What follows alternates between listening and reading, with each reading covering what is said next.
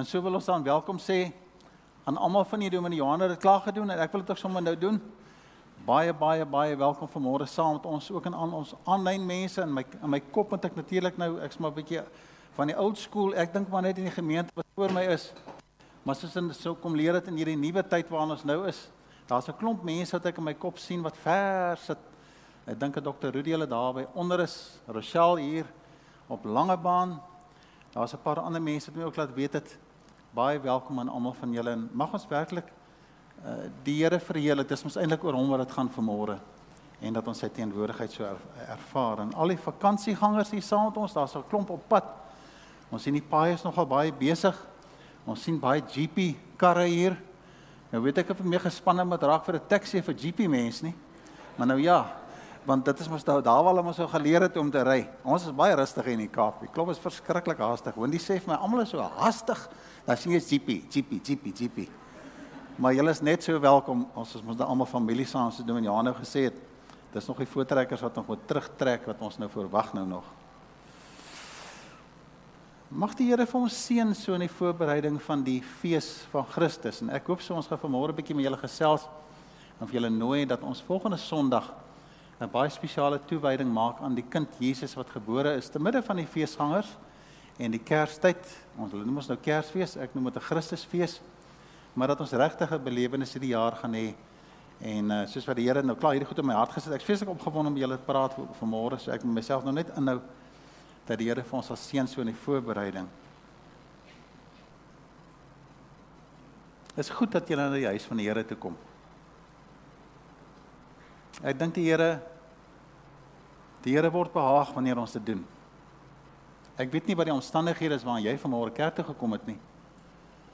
Maar ek vertrou regtig dat die Here vir julle almal se ondernemings sal kom seën vandag.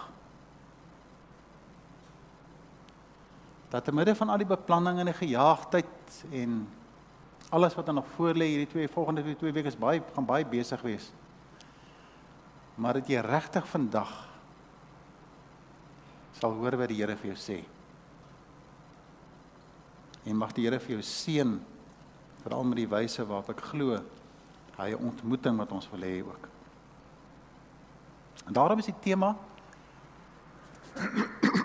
skep moed want Christus bring vir ons vrede en hoop. As er nou tyd is wat ons hom nodig gehad het, is dit nou. ons hoor sulke aankondigings op die TV. Dan wonder ons wat nou nog.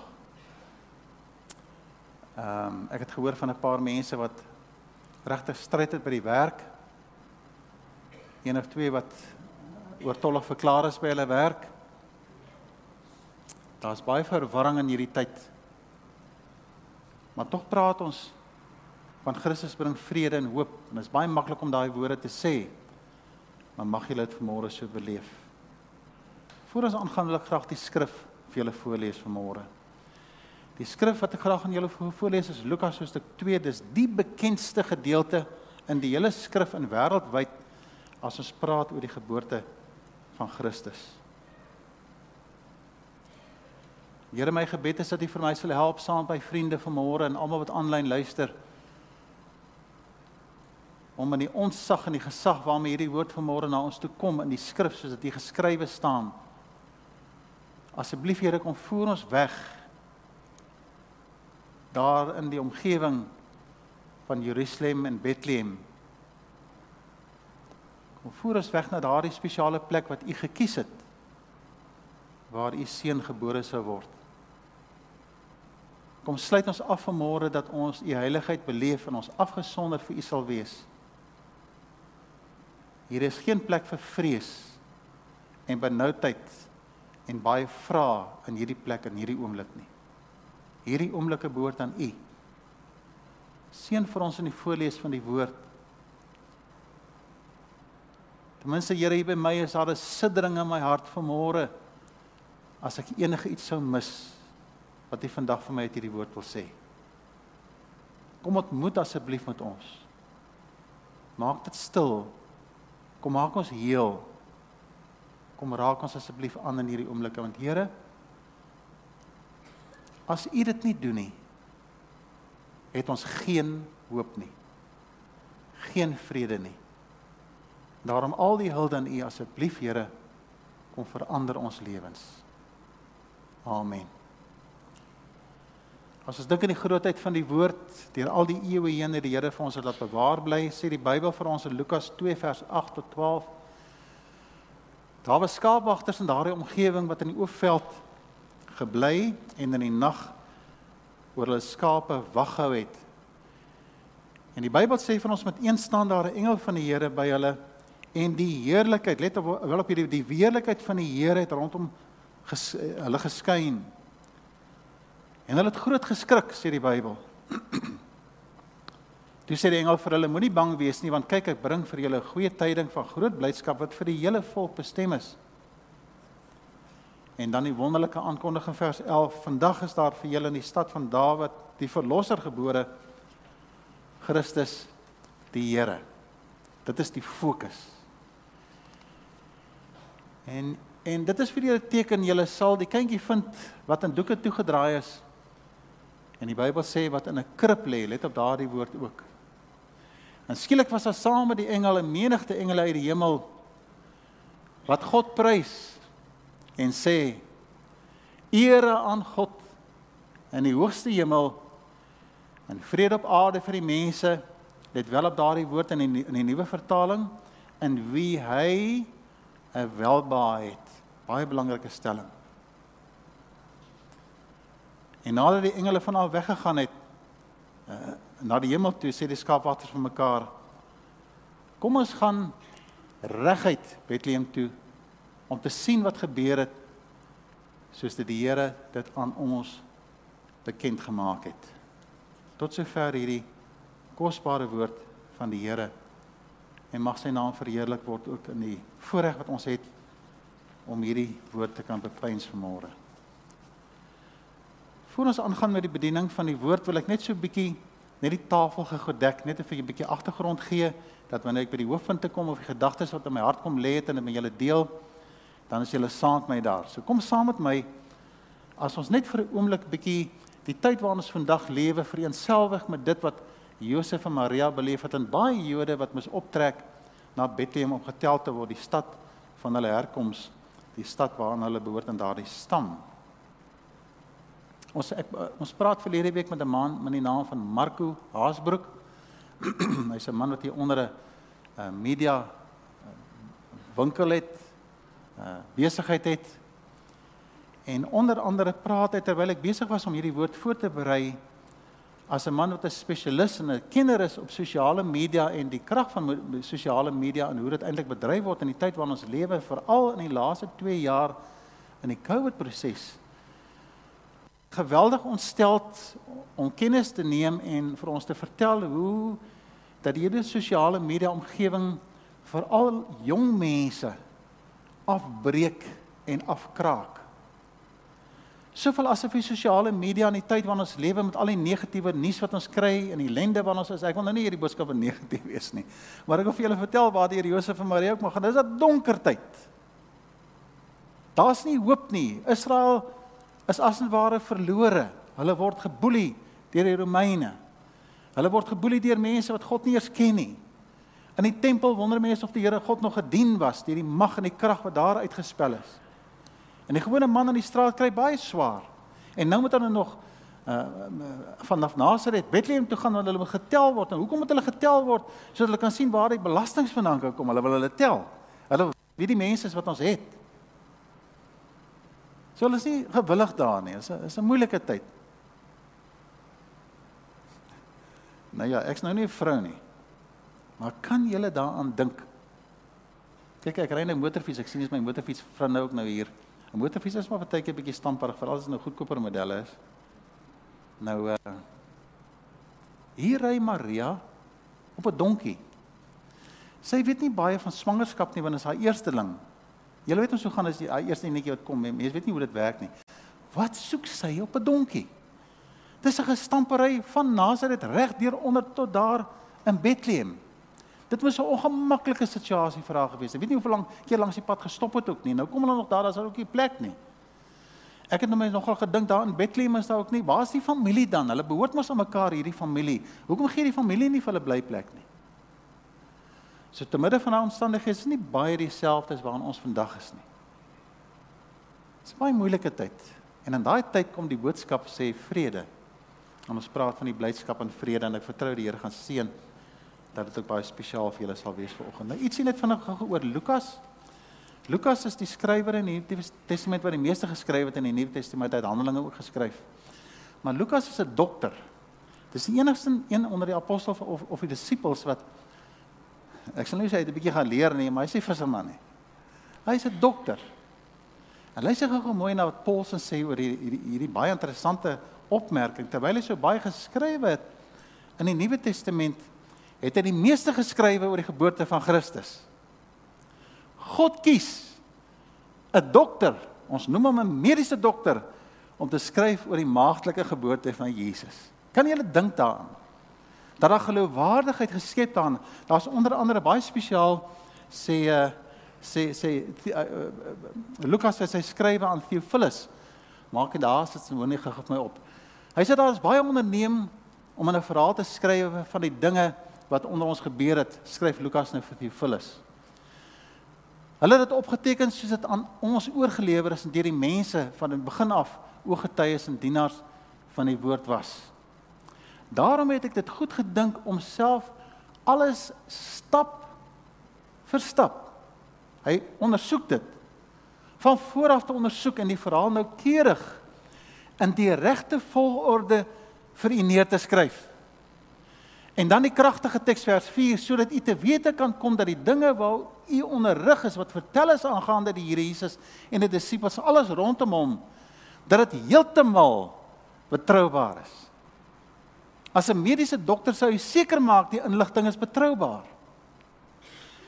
Nou die volgende dag te van van vir Lukas terwyl hy dokter is met sy bed, bedside manner. Kyk as jy mos nou dokter is, mens nou so luister wat iemand vir jou sê wen hy die harte van die vroue. En daarom skryf hy Lukas uit die oogpunt van Maria. Nie van Josef nie. Matteus skryf dit uit die oogpunt van Josef, want die man in die Joodse kultuur is jy luister na hom vir die waarheid. Maar Lukas gaan dan hy spandeer tyd met Maria en luister baie mooi. Hy skrywe goed oor wat Maria vir hom sê wat sy in haar hart weggeber het. En daarom is hierdie verhaal van die geboorte van Christus die die mees volledigste en die wydbeleese wêreldwyd en deur al die geskiedenis as ons praat oor die stal en ons praat oor die geboorte van Christus, dan haal mense Lukas hoofstuk 2 aan, want die ander evangelie skryf nie baie daaroor nie. So wanneer Lukas skryf en wanneer hy skryf oor die detail, dan skryf hy oor wat hy gehoor het in detail by mense en hy doen die navorsing sodat dit betroubaar is. En daarom weet ons hierdie hierdie stukkie wat geskrywe is is betroubaar voor die aangesig van die Here en waar hy vir ons seën. Ek wil baie graag met julle gesels veral ook wanneer ons in hierdie tyd lewe dat wat Jesus gedoen het, wat God gedoen het vir Christus in die geboorte van Christus en wat hy met ons kom deel in die boodskap wat daarmee saamgaan en genou dat daarna verwys is waar die Here wil ons die voorreg gee om te midde van al die ellende hoop en vrede te kan hê. En in hierdie tyd is dit dan nou so dat daar baie opwinding is. Daar's 'n feestyd. Ek kan onthou as 'n kind het uh my ma altyd van Pretoria af deurgery Mosselbaai toe in 'n Opel Kapitaal. Nou, ek weet nie of julle van die ou manne weet hoe lyk 'n Opel Kapitaal nie, so groot, sware voertuig, 6-silinder wat kort kort breek. Hy't groot hy't was te swaar vir die bakwerk gewees en allerlei moeilikheid gehad. En hoe ry ons dan daar van Pretoria af? Ons raak aan die slaap in die kar en wanneer ek wakker word, dan kom ons so Mosselbaai en dan begin hierdie bossies ryk wat baie uniek aan Mosselbaai is. En dan gaan ons ouma se kombuis en ouma die groot tafel en dan eet ons en dan nou ons fees. En vir die volgende tyd wat ons daar is, al die jenese kom daar, was skrikkelik baie van hulle gewees, 'n hele volke daar saamgetrek. Het ons 'n wonderlike tyd van opwinding. En vir die eerste keer in my lewe voor ek die Here geleer ken het, kom my tannie eendag na my toe wat met 'n Duitser getroud is. En sy sê vir my, "Chris, kom saam met ons vandag. Ons gaan Kersfees vier soos dit moet wees." Want daar het ek vir die eerste keer die woord Christusfees gehoor. Maar ek het dit nie verstaan nie. Ek wou hier by die jollers gewees het. Hier by die speelmense, hier waar ons droog gemaak het en geraas het. Dis hy praat van kerk toe gaan en uh, daar's 'n tradisie daarmee saam tot ek nie belang gestel nie. Dit het my baie betekens gehad later in my lewe toe ek besef het wat sy eintlik bedoel het. Toe sa manne altyd al leer en ek het nie meer daai geleentheid gehad nie. Toe ek besef hoe kosbaar hierdie tyd van die jaar vir ons is. En ek wil nie praat oor wanneer die Here Jesus gebore is nie. Ek wil nie praat oor Kersfees, waar dit vandaan kom en hoekom dit is nie. Maar ek sou so graag vir julle wil nooi dat ons volgende Sondag ten minste almal wat hier sit en die wat luister aanlyn wil nie saam met my volgende Sondag 'n spesiale dag maak waarin ons die Here Jesus verheerlik. Ja, gee die geskenke nou uit en sit maar die kersboompie aan en al sulke goed. Maar sonder dit iewers af om aan dit wat ek nou met julle gaan deel om dit spesiaal te maak volgende Sondag. Wil jy dit nie doen nie? Kom ons kom ons wees anders hierdie jaar. Kom ons luister na my tannie wat sê ek wil vir jou gaan wys hoe moet dit eintlik gehou word. En ek hoop nie jy is bang vir kerk toe kom nie want ons gaan kerk hou en die kerk gaan baie vol wees volgende Sondag. Kom asseblief, kom ons maak volgende Sondag baie baie spesiaal. Net so 'n bietjie ek se geese tyd, net so 'n bietjie die teks wat ek net gou vir julle wil deel, maar as jy net vir ons kan opsit daar. Die gedeelte wat ek graag wil hanteer is eh, van van vers 10 tot 14. Luister kyk na die woorde in geel daar, die aankondiging. Toe sê die engel vir hulle moenie bang wees nie want kyk ek bring vir julle goeie tyding van groot blydskap wat vir die hele volk bestem is. Kom ons kyk na die gedagte van tyding. Dat vandag vir julle is gebore die verlosser gebore Christus die Here. En daarmee saam net daai klem op daai woordjie julle sal vind in doeke toe gedraai en in 'n krib lê. In 'n krib lê. Hou onthou die woordjie krib daar. En skielik was 'n groot engele wat in die hemel wat God geprys en gesê het: Eer aan God, lofprysing, vrede op aarde vir die mense in wie hy welbehaag het. Daar's 'n aankondiging daar's 'n krib en daar's lofprysing. Kom ons verheerlik die Here wanneer ons dan nou kyk na hierdie gedeelte en ek wil graag vinnig net gou die eerste ek wil eers in die laaste een doen maar die middelste een is een wat net so 'n bietjie tyd wil stil staan en 'n bietjie aandag wil gee daaraan. Die Bybel sê vir ons, "Toe sê die engel vir hulle, moenie bang wees nie want kyk ek bring vir julle 'n goeie tyding van 'n groot blydskap wat vir die hele volk bestem is."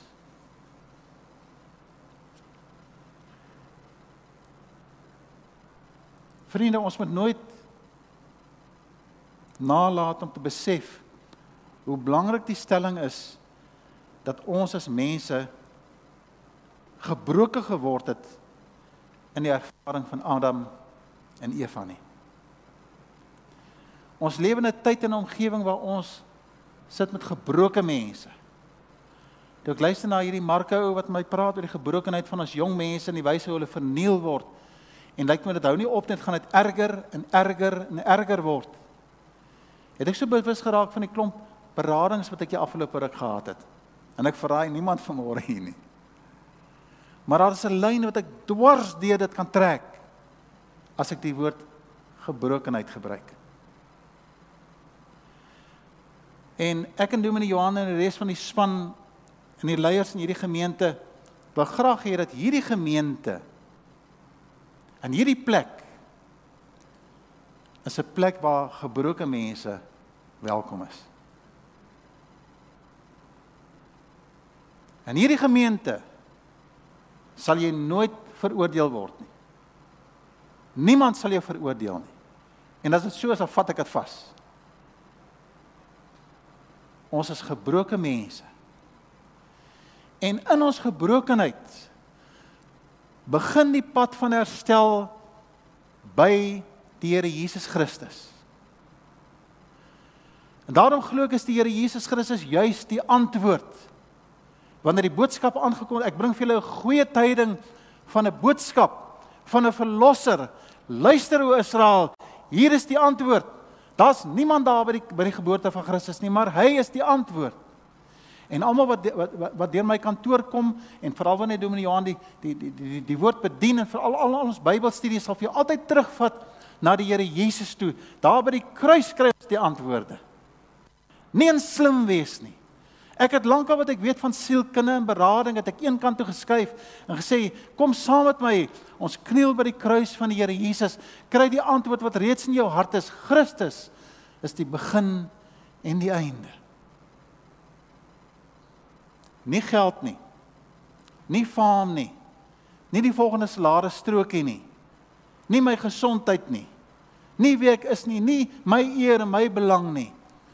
Dit begin by die Here Jesus Christus. Hy is die antwoord. Hy kom herstel die verhouding. Is 'n mooi mooi gedagte wat hier gebruik word wat sê vrede van wie vir die mense in wie God 'n welbehae het.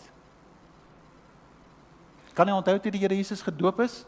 Het daar stem uit die hemel gekom wat gesê het: "Dit is my seun in wie ek wat het welbehae het." Hy stel my tevrede. Hy is die offer wat volmaak is. Hy's nie gebrek nie. Hy's nie 'n baage nie. Hy's nie goedkoop nie. Hy's nie maklik nie. Hy het aan alles wat hy voldoen om sondeloos te wees, was hy welbehaaglik voor die aangesig van God.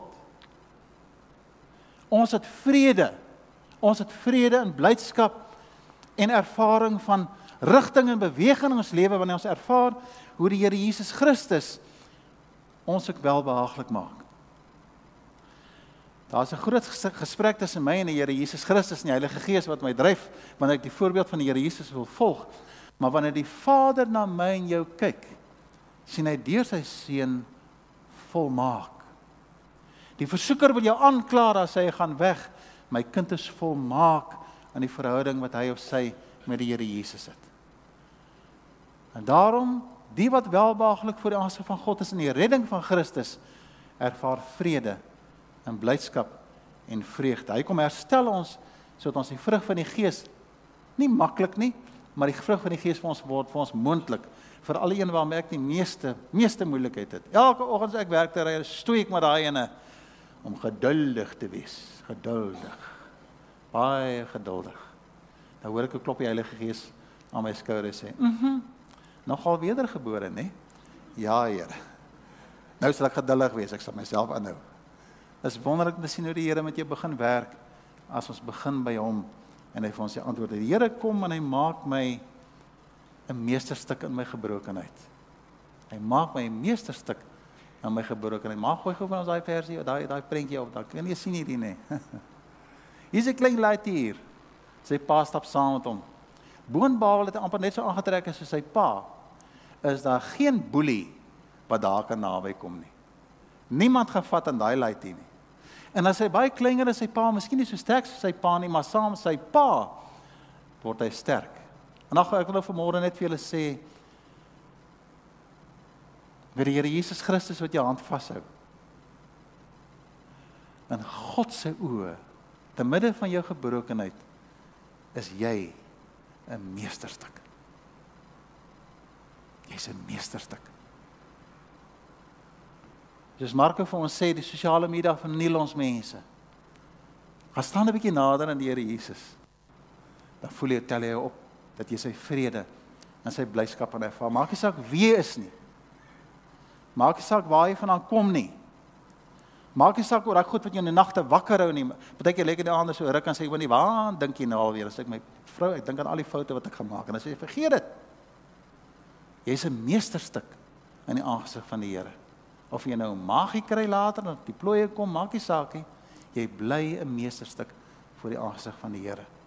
Ek wil graag 'n bietjie stil staan by die volgende punt. Naamlik saam met my beteken daardie krag, kom kom ons sê die die die die krippie, die geboorte van ons Here Jesus, praat ons oor die kind wat 'n dienaar vir ons geword het. Kind wat vir ons 'n dienaar geword het. Ek hoef nie vir julle te vertel in die Nuwe Testament hoeveel keer is daar tekste wat die Here Jesus beskryf het as die dienaar nie. Die Bybel sê en julle sal dit dit sal vir julle dit is vir julle die teken Jesus julle sal 'n kindjie vind wat in doeke toegedraai is en in 'n krib lê. Die seun van God. Die skepper van die hemel en die aarde. Jesus was in die begin vers 1 Genesis 1 was hy daar. Hy het die aarde geskep word nie in Jerusalem gebore waar God aanbid word in die tempel nie. Hy word gebore in Bethlehem. Daar's 'n paar verwysings na Bethlehem. Bethlehem verwys na 'n profesie van Micha. Micha 5 vers 1 as hy sê maar jy Bethlehem Efrata let wel op hierdie woorde jy is klein Jy's klein onder die families in Juda. Maar uit jou sal iemand kom wat aan my behoort en hy sal Israel regeer. Sy begin lê ver terug in die grysse verlede. Die eerste keer wat ons lees van Bethlehem is in Micha, Micha 5 vers 1. Dan lees ons weer van Bethlehem met Rachel en haar graf.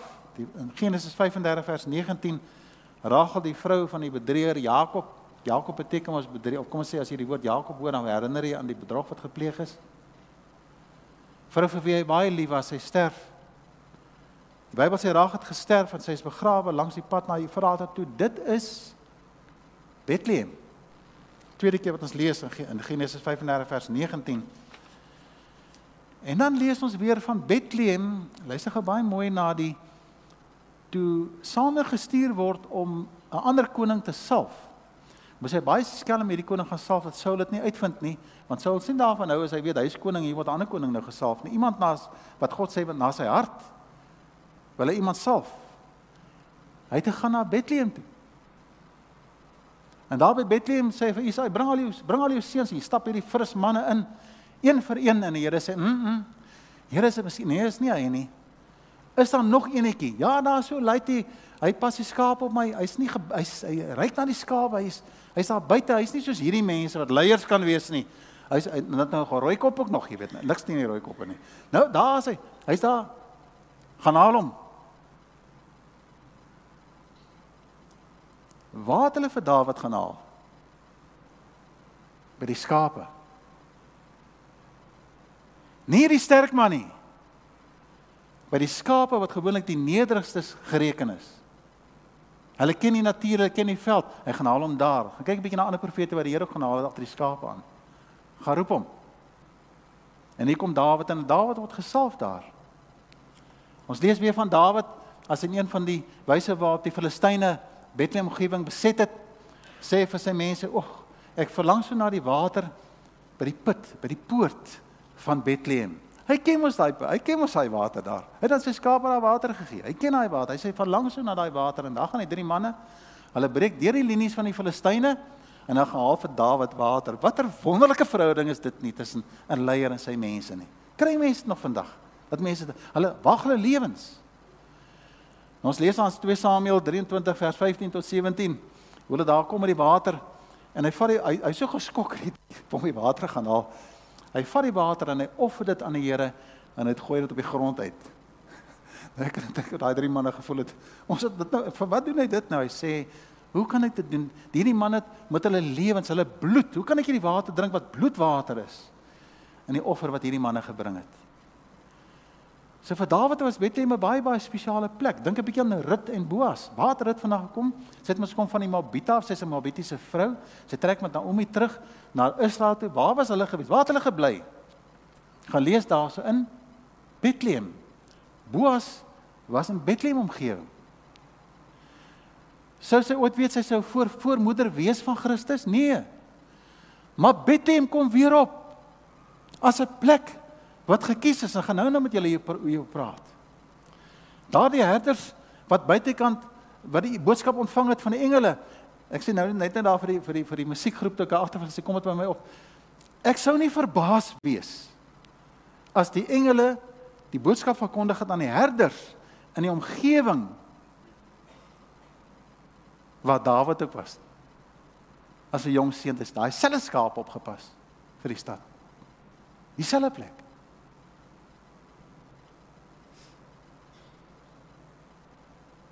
Die Bybel sê Jesus in Filippense hoofstuk 2 sy plek verlaat en het die gestalte van 'n diensplek aangeneem. Openbaring praat ek van Jesus as die lam van God. Daar in Bethlehem het Christus wat die die dienaar was iets kosbaar gebeur. Ek gaan nou-nou met julle praat oor die vier een dag, maar hou net vas daar agter maar. Wat ek nou met julle gaan deel is nie in die Bybel nie.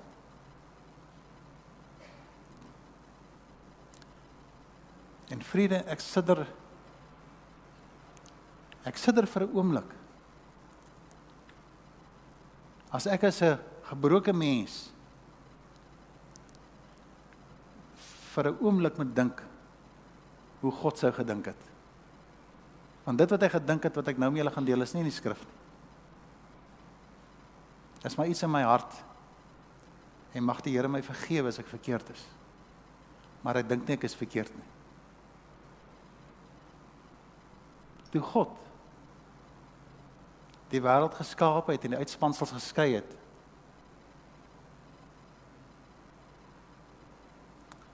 Het hy klaar sy vinger gesit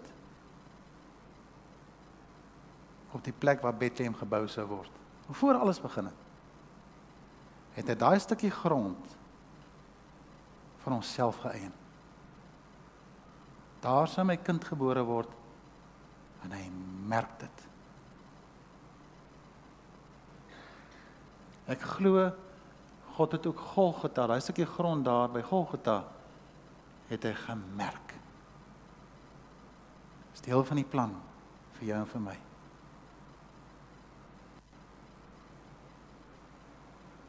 Kan julle verstaan hoekom hou Dawid so van Bethlehem? Want daar's iets daar. Ek sien ek ek ek ek sien in my gees as oog hier stap Rit. Nou gaan sy shopping doen daar in Bethlehem. Daai stal is nog nie gebou nie.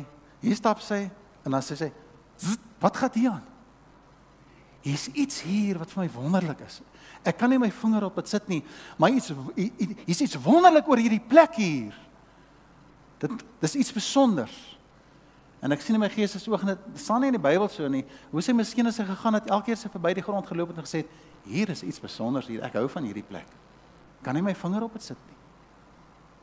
Spesiale plek deur God afgesonder.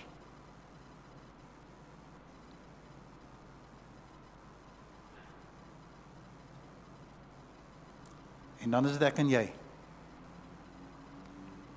Voor die grondlegging van die wêreld was jy God se Bethlehem. Sit net gou julle hande op so op julle bors. Daar by jou hart, daar by jou hartklop. Hoor jy, voel jy hartklop?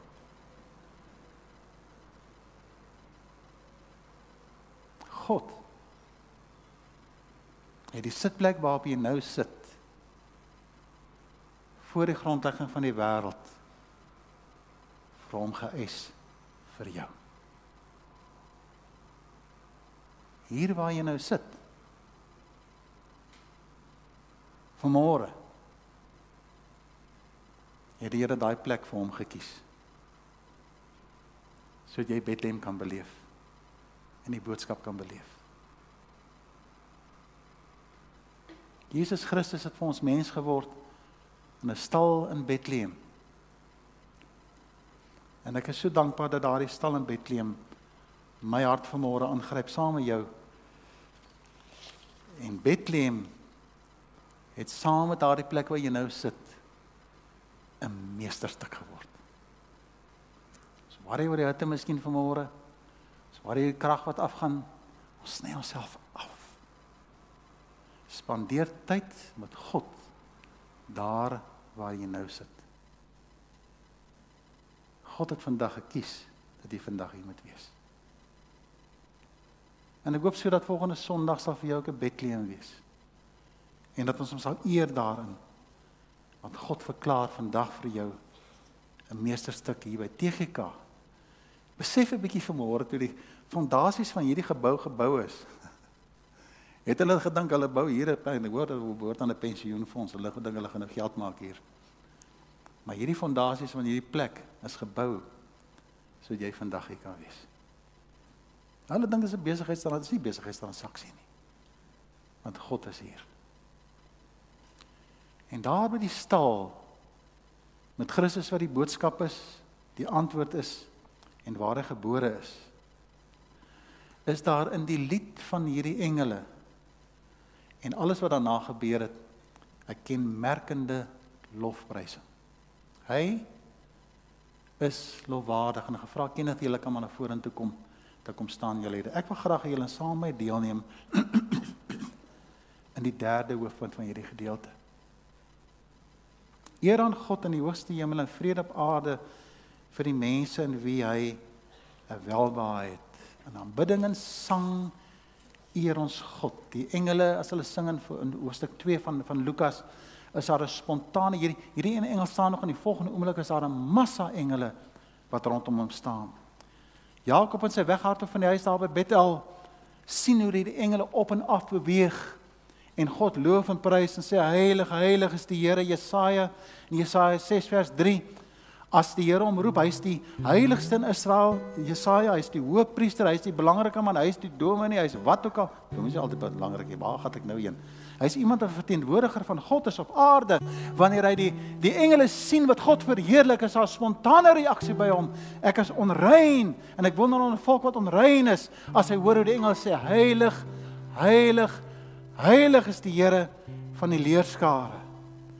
Ons lees daar in 2 Kronieke 7 vers 3 wanneer wanneer wanneer Salomo die tempel in inwy in die heerlikheid soos hier wat die heerlikheid rondom die die hierdie engele geskyn het en die in die harte geskyn het daai selfde heerlikheid as dit die tempel vul sê die Bybel val die volk spontaan op hulle aangesig voor die Here en hulle aanbid die Here Dis wanneer die Here in ons harte kom skyn dat ek soos Thomas ook sê my Here en my God as ek so getwyfel het en ek sien die gate in sy hande en sy voete sê my Here en my God. Petrus wanneer die gesig van die Here sien hardop hy het en hy huil en wat hy gedoen het aan Christus. Die Bybel sê hierdie hierdie skaapwagters het met 'n lied in hulle hart met vreugde dat hulle voortbeweeg daai die die die die konings en die wyse manne toe hulle wegbeweeg was 'n verwondering in hulle hart as hulle wegbeweeg van van van Herodes waar amper ek Farao Herodes af daar's 'n lied in hulle hart wanneer Jesus Christus die seun van God wat die antwoord in my lewe is en Bethlehem en wat daar gebeur het my hart aangryp kan ek nie anders as om God te verheerlik te voel lig hy my sonde hoe maak hy my heel maak hy my 'n meesterstuk. Kyk na jouself in die spieël volgende keer en moenie worry oor die grys hare en die goed nie. Jy is 'n meesterstuk in die aangesig van God. Soos God die Bethlehem 'n meesterstuk gemaak het en alles wat daar rondom gebeur het en so fokus gehad het op Bethlehem. So verheerlik ons die Here vanmôre. Ek wil net ook net afsluit dit te sê is interessant dat na die geboorte van die Here Jesus Christus was dan nie weer in die Nuwe Testament verwys na Bethlehem nie. Bethlehem het sy doel uitgeleef. Soos wat ons dit doen. Wanneer die Here in ons harte kom, is daar 'n lofprysing waar ons hulde aan bring. Kan ek julle weer mooi vra asseblief? Kom ons maak volgende Sondag baie spesiaal. Ons bring hulde aan die Here wat vir ons aarde toe gekom het. Kom ons sing hierdie loflied. Dankie, Here. Thank you.